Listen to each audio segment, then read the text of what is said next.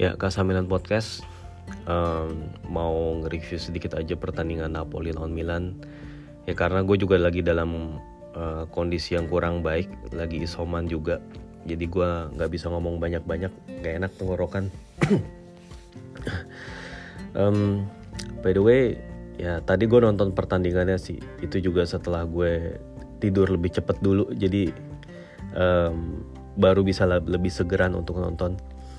Ya, karena ini pertandingan yang gue gue ngerasa ini pertandingan akan seru dan intens banget gitu ya.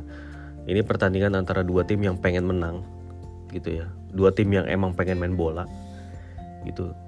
Dan dua adu taktik dua pelatih yang emang uh, punya mindset yang menyerang gitu ya di pertandingan ini. Dan ini bener aja tersaji gitu dalam pertandingan uh, dua babak di stadion uh, Diego Maradona gitu ya dan uh, dalam pertandingan ini Milan menang dengan skor tipis 0-1 lewat gol tunggal Olivier Giroud dan hasil ini menempatkan Milan sementara di puncak klasemen setelah menggeser Inter.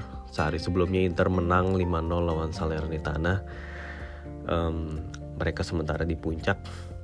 Tapi dengan kemenangan ini Milan unggul 2 poin dari Inter walaupun Inter masih menyimpan satu pertandingan tunda lawan Bolonya. Gitu ya dan Inter juga masih bermain di Liga Champions dan masih di Copa juga.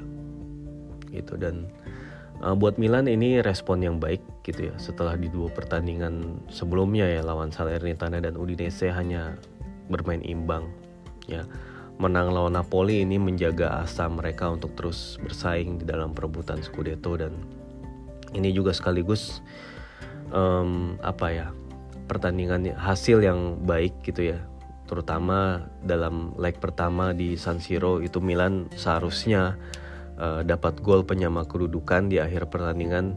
Ketika waktu itu Olivier Giroud dibilang posisinya offside padahal dia lagi dalam posisinya berbaring. Itu adalah offside call yang uh, cukup aneh gitu ya. Tapi by the way ya ini dalam pertandingan ini wasit Daniel Orsato yang ditugasin gitu ya.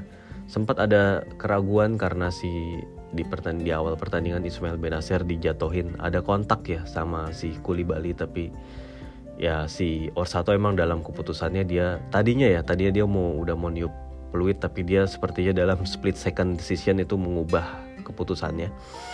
Kayaknya dia menganggap ini ya sekalipun ada kontak tapi tidak terlalu signifikan kontaknya mungkin dia menganggapnya gitu. Ya. Dan ini juga dia uh, adalah the momen lainnya ketika Napoli itu juga dinaik penalti ketika si kalau nggak salah Osimen ya itu juga ada kontak uh, dengan Tomori dan Kalulu gitu. Tapi ya itu menurut si Orsato juga itu nggak layak penalti.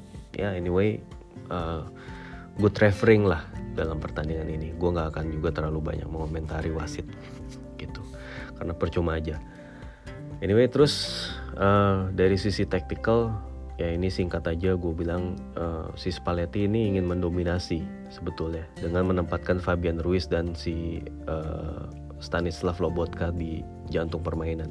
Oh ya gue gua nggak akan terlalu uh, apa ya ngasih tahu soal line up dan lain-lain karena lu bisa baca di media. Soal expected goals, uh, soal tendangan berapa percobaan tendangan dan berapa uh, on target lu bisa lihat juga.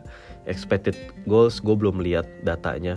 Tapi gue rasa banyakkan Milan karena uh, peluang bersih lebih banyak dimiliki oleh Milan di pertandingan ini. Anyway um,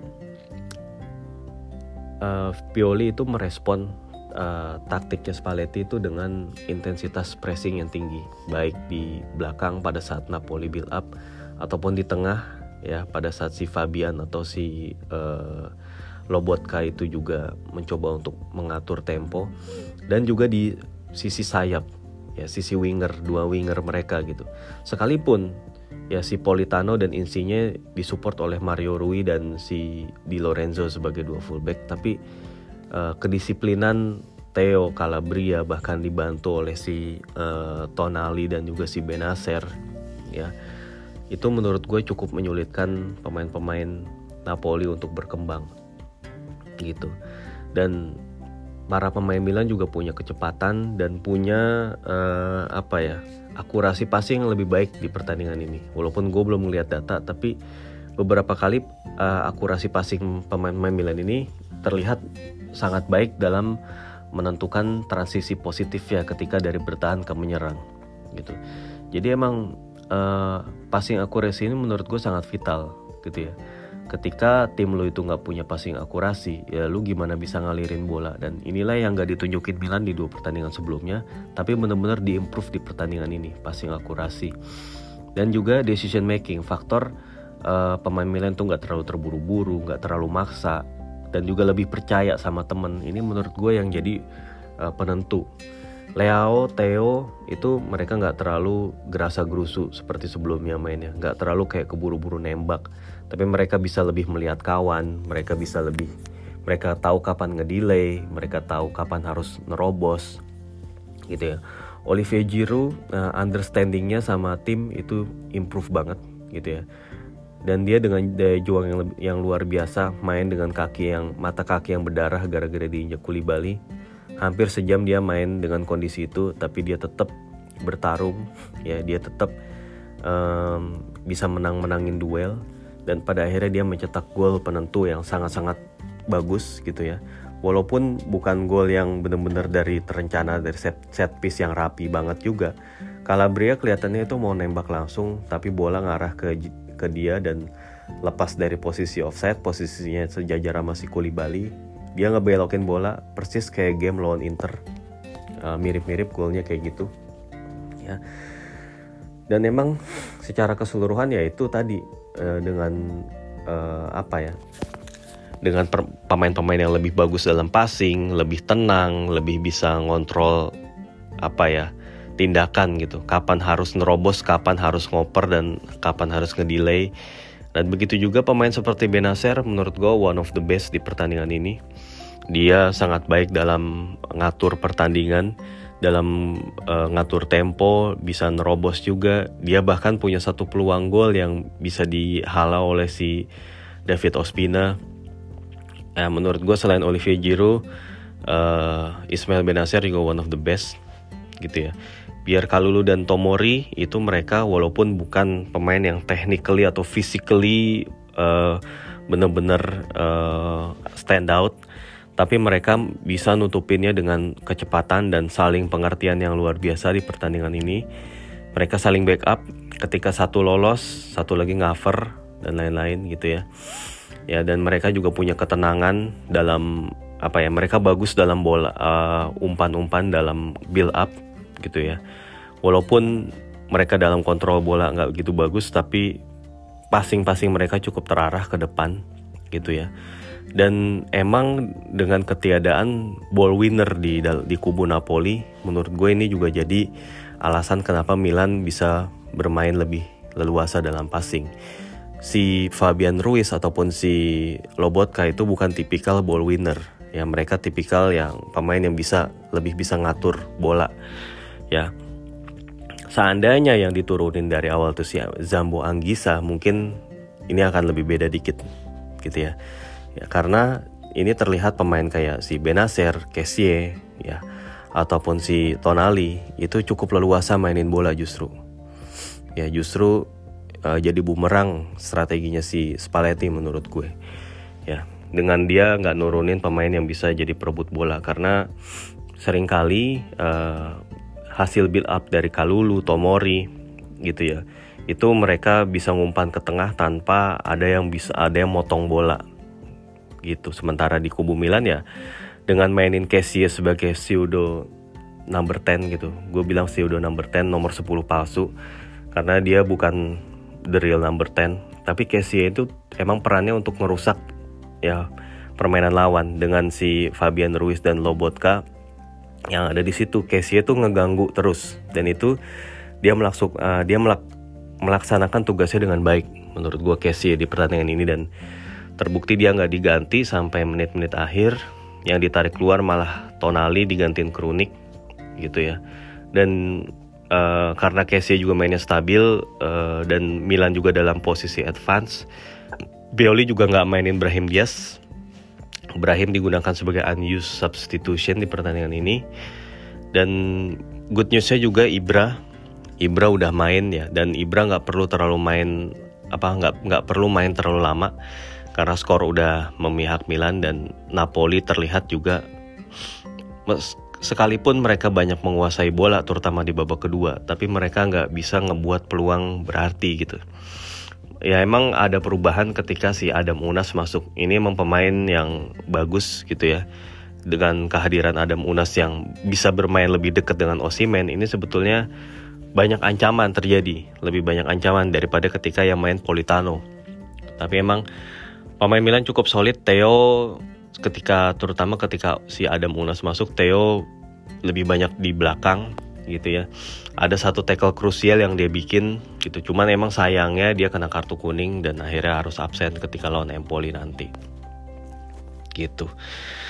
Uh, terus apalagi ya? Gue rasa sih eh, nggak uh, terlalu banyak yang mau gue sampaikan. Oh iya satu lagi paling sayang banget Alexis Lemakers di menit-menit akhir dia dapat peluang emas tinggal berhadapan satu lawan satu dengan si uh, Ospina. Uh, dia nerima umpan silang dari Theo.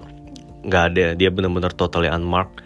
Padahal kalau dia kontrol sedikit itu bola, ya, terus dia tembak ngarah ke gawang aja itu kemungkinan golnya tentu lebih besar daripada dia menghajar bola langsung yang kemudian ditepis sama si, Os, si Ospina gitu. Emang sayang banget ya. Emang perkaranya tak gol itu emang bukan perkara gampang sih gitu ya. Johan Cruyff itu pernah bilang ya legend sekelas Johan Cruyff ya bilang bahwa mencetak gol itu kombinasi dari macam-macam dari timing, ketenangan, presisi gitu. Artinya kalau lu nggak punya faktor-faktor itu emang sulit nyetak gol gitu ya emang ada um, yang ngebedain ya pemain yang top class dengan pemain yang emang biasa-biasa aja gitu. Dan gue juga nggak gitu berharap banyak sama Makers men untuk menjadi pemain yang top class juga gitu. Dia pemain yang decent pemain yang industrial dia pemain yang uh, hard worker. Dia juga udah mulai memperbaiki aspek dribblingnya dia. Cuman soal decision making, soal ketenangan, composure gitu. Inilah yang harus benar-benar diimprove Selemaker supaya dia uh, improve dari pemain yang kelasnya sekarang menjadi pemain yang better gitu loh. Better class gitu sih. Emang ini kelihatan banget sayang banget ya. Padahal kalau aja Selemaker tuh lebih tenang dan bisa nyetak gol ya selain bisa kill the game ya harusnya Milan juga bisa unggul agregat gol dari Napoli dan nantinya gitu siapa tahu akan dibutuhin gitu ya anyway tapi ini tetap massive 3 points. Gak gampang ngerebut 3 poin di Maradona Stadium dari tuan rumah Napoli. Dan buat gue ini adalah kemenangan yang sangat berharga juga karena tetap memberikan pressure kepada Inter. Secara virtual Inter masih memimpin klasemen anggap aja mereka menang lawan Bolonya. Gitu. Tapi ini akan terus memberikan mereka tekanan tekanan tekanan gitu. Nggak nggak segampang musim lalu mereka juara. gitu. Ini 10 pertandingan tersisa ya 10 pertandingan sisa di mana um, Milan udah ngumpulin 60 poin ya.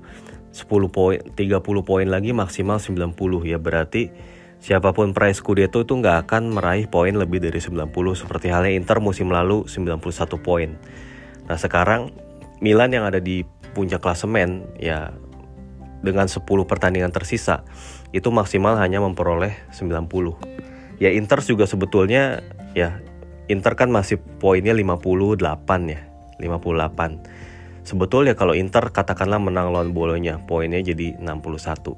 Terus sisa 10 pertandingan Inter sapu bersih. Bisa sih dapat dapat uh, 91 poin kayak musim lalu tapi gue rasa nggak nggak gampang buat mereka untuk sapu bersih mereka juga masih ketemu lawan-lawan berat juga mereka belum ketemu Juventus dan lain-lain. Ya gue rasa eh, nggak uh, gampang buat mereka menyapu bersih juga gitu. Nah sementara buat Milan gue sih berharap tiga pertandingan uh, eh sorry lima pertandingan ke depan lah kalau bisa sapu bersih. Ketemu tim seperti Empoli uh, Bolonya Torino gitu ya. Itu menurut gue uh, akan lebih mem memotivasi Milan ketimbang ketemu lawan kayak Salernitana, Venezia, Udinese, uh, Spezia yang kayak gitu-gitu yang yang lebih nunggu ya ketemu tim kayak Empoli, uh, Torino atau Bolonya kan mereka tiga tim yang ngepres, mereka tiga tim yang aktif. Itu harusnya bisa mengeluarkan kemampuan terbaik dari Milan juga gitu. Nah sebetulnya ya inilah uh, Milan nggak punya hal yang dimiliki Napoli. Napoli pemain-pemain Napoli itu bisa melakukan uh, ball possession, melakukan umpan-umpan pendek yang cepat dengan effortless gitu. Nggak kayak pemain-pemain Milan yang uh, paling nggak bisa tahan 5 passing lebih gitu ya. Mereka tuh lebih kayak suka berakselerasi, mereka suka melakukan terobosan gitu. Tapi kalau dalam passing-passing-passing ya mereka masih masih bukan karakter tim yang seperti itu gitu. Tapi tadi uh, ketika lawan Napoli passing akurasi Milan jauh lebih baik seperti yang tadi gue bilang dan ini menjadi krusial gitu. Ya udahlah, gue rasa ini aja yang mau gue sampein. Uh, terima kasih udah uh, dengerin Kesamilan Podcast. Sampai jumpa lagi dalam episode mendatang. Ciao.